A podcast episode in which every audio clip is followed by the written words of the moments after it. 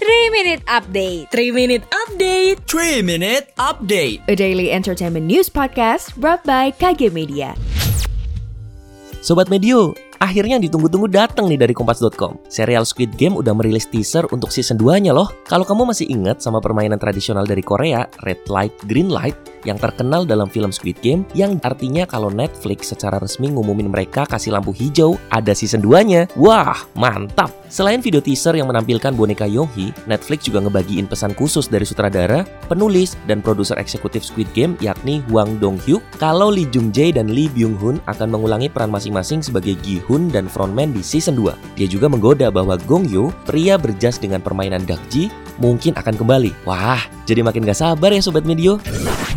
Selanjutnya kabar duka dari grid.id. Jenazah anak Ridwan Kamil, Emeril Khan Mumtaz, telah tiba di gedung Pakuan Bandung pada minggu malam pukul 19.50 malam. Kedatangan jenazah pun disambut iringan salawat Nabi oleh para santri dan anak yatim. Jenazah Eril akan disemayamkan sementara di gedung Pakuan dan akan dimakamkan pada Senin 13 Juni di pemakaman keluarga. Banyak pejabat, bahkan masyarakat yang hadir untuk takziah. Nggak cuma itu, bahkan lama nggak terlihat, akhirnya kekasih Emeril yakni Nabila Isma pun datang ke gedung Pakuan.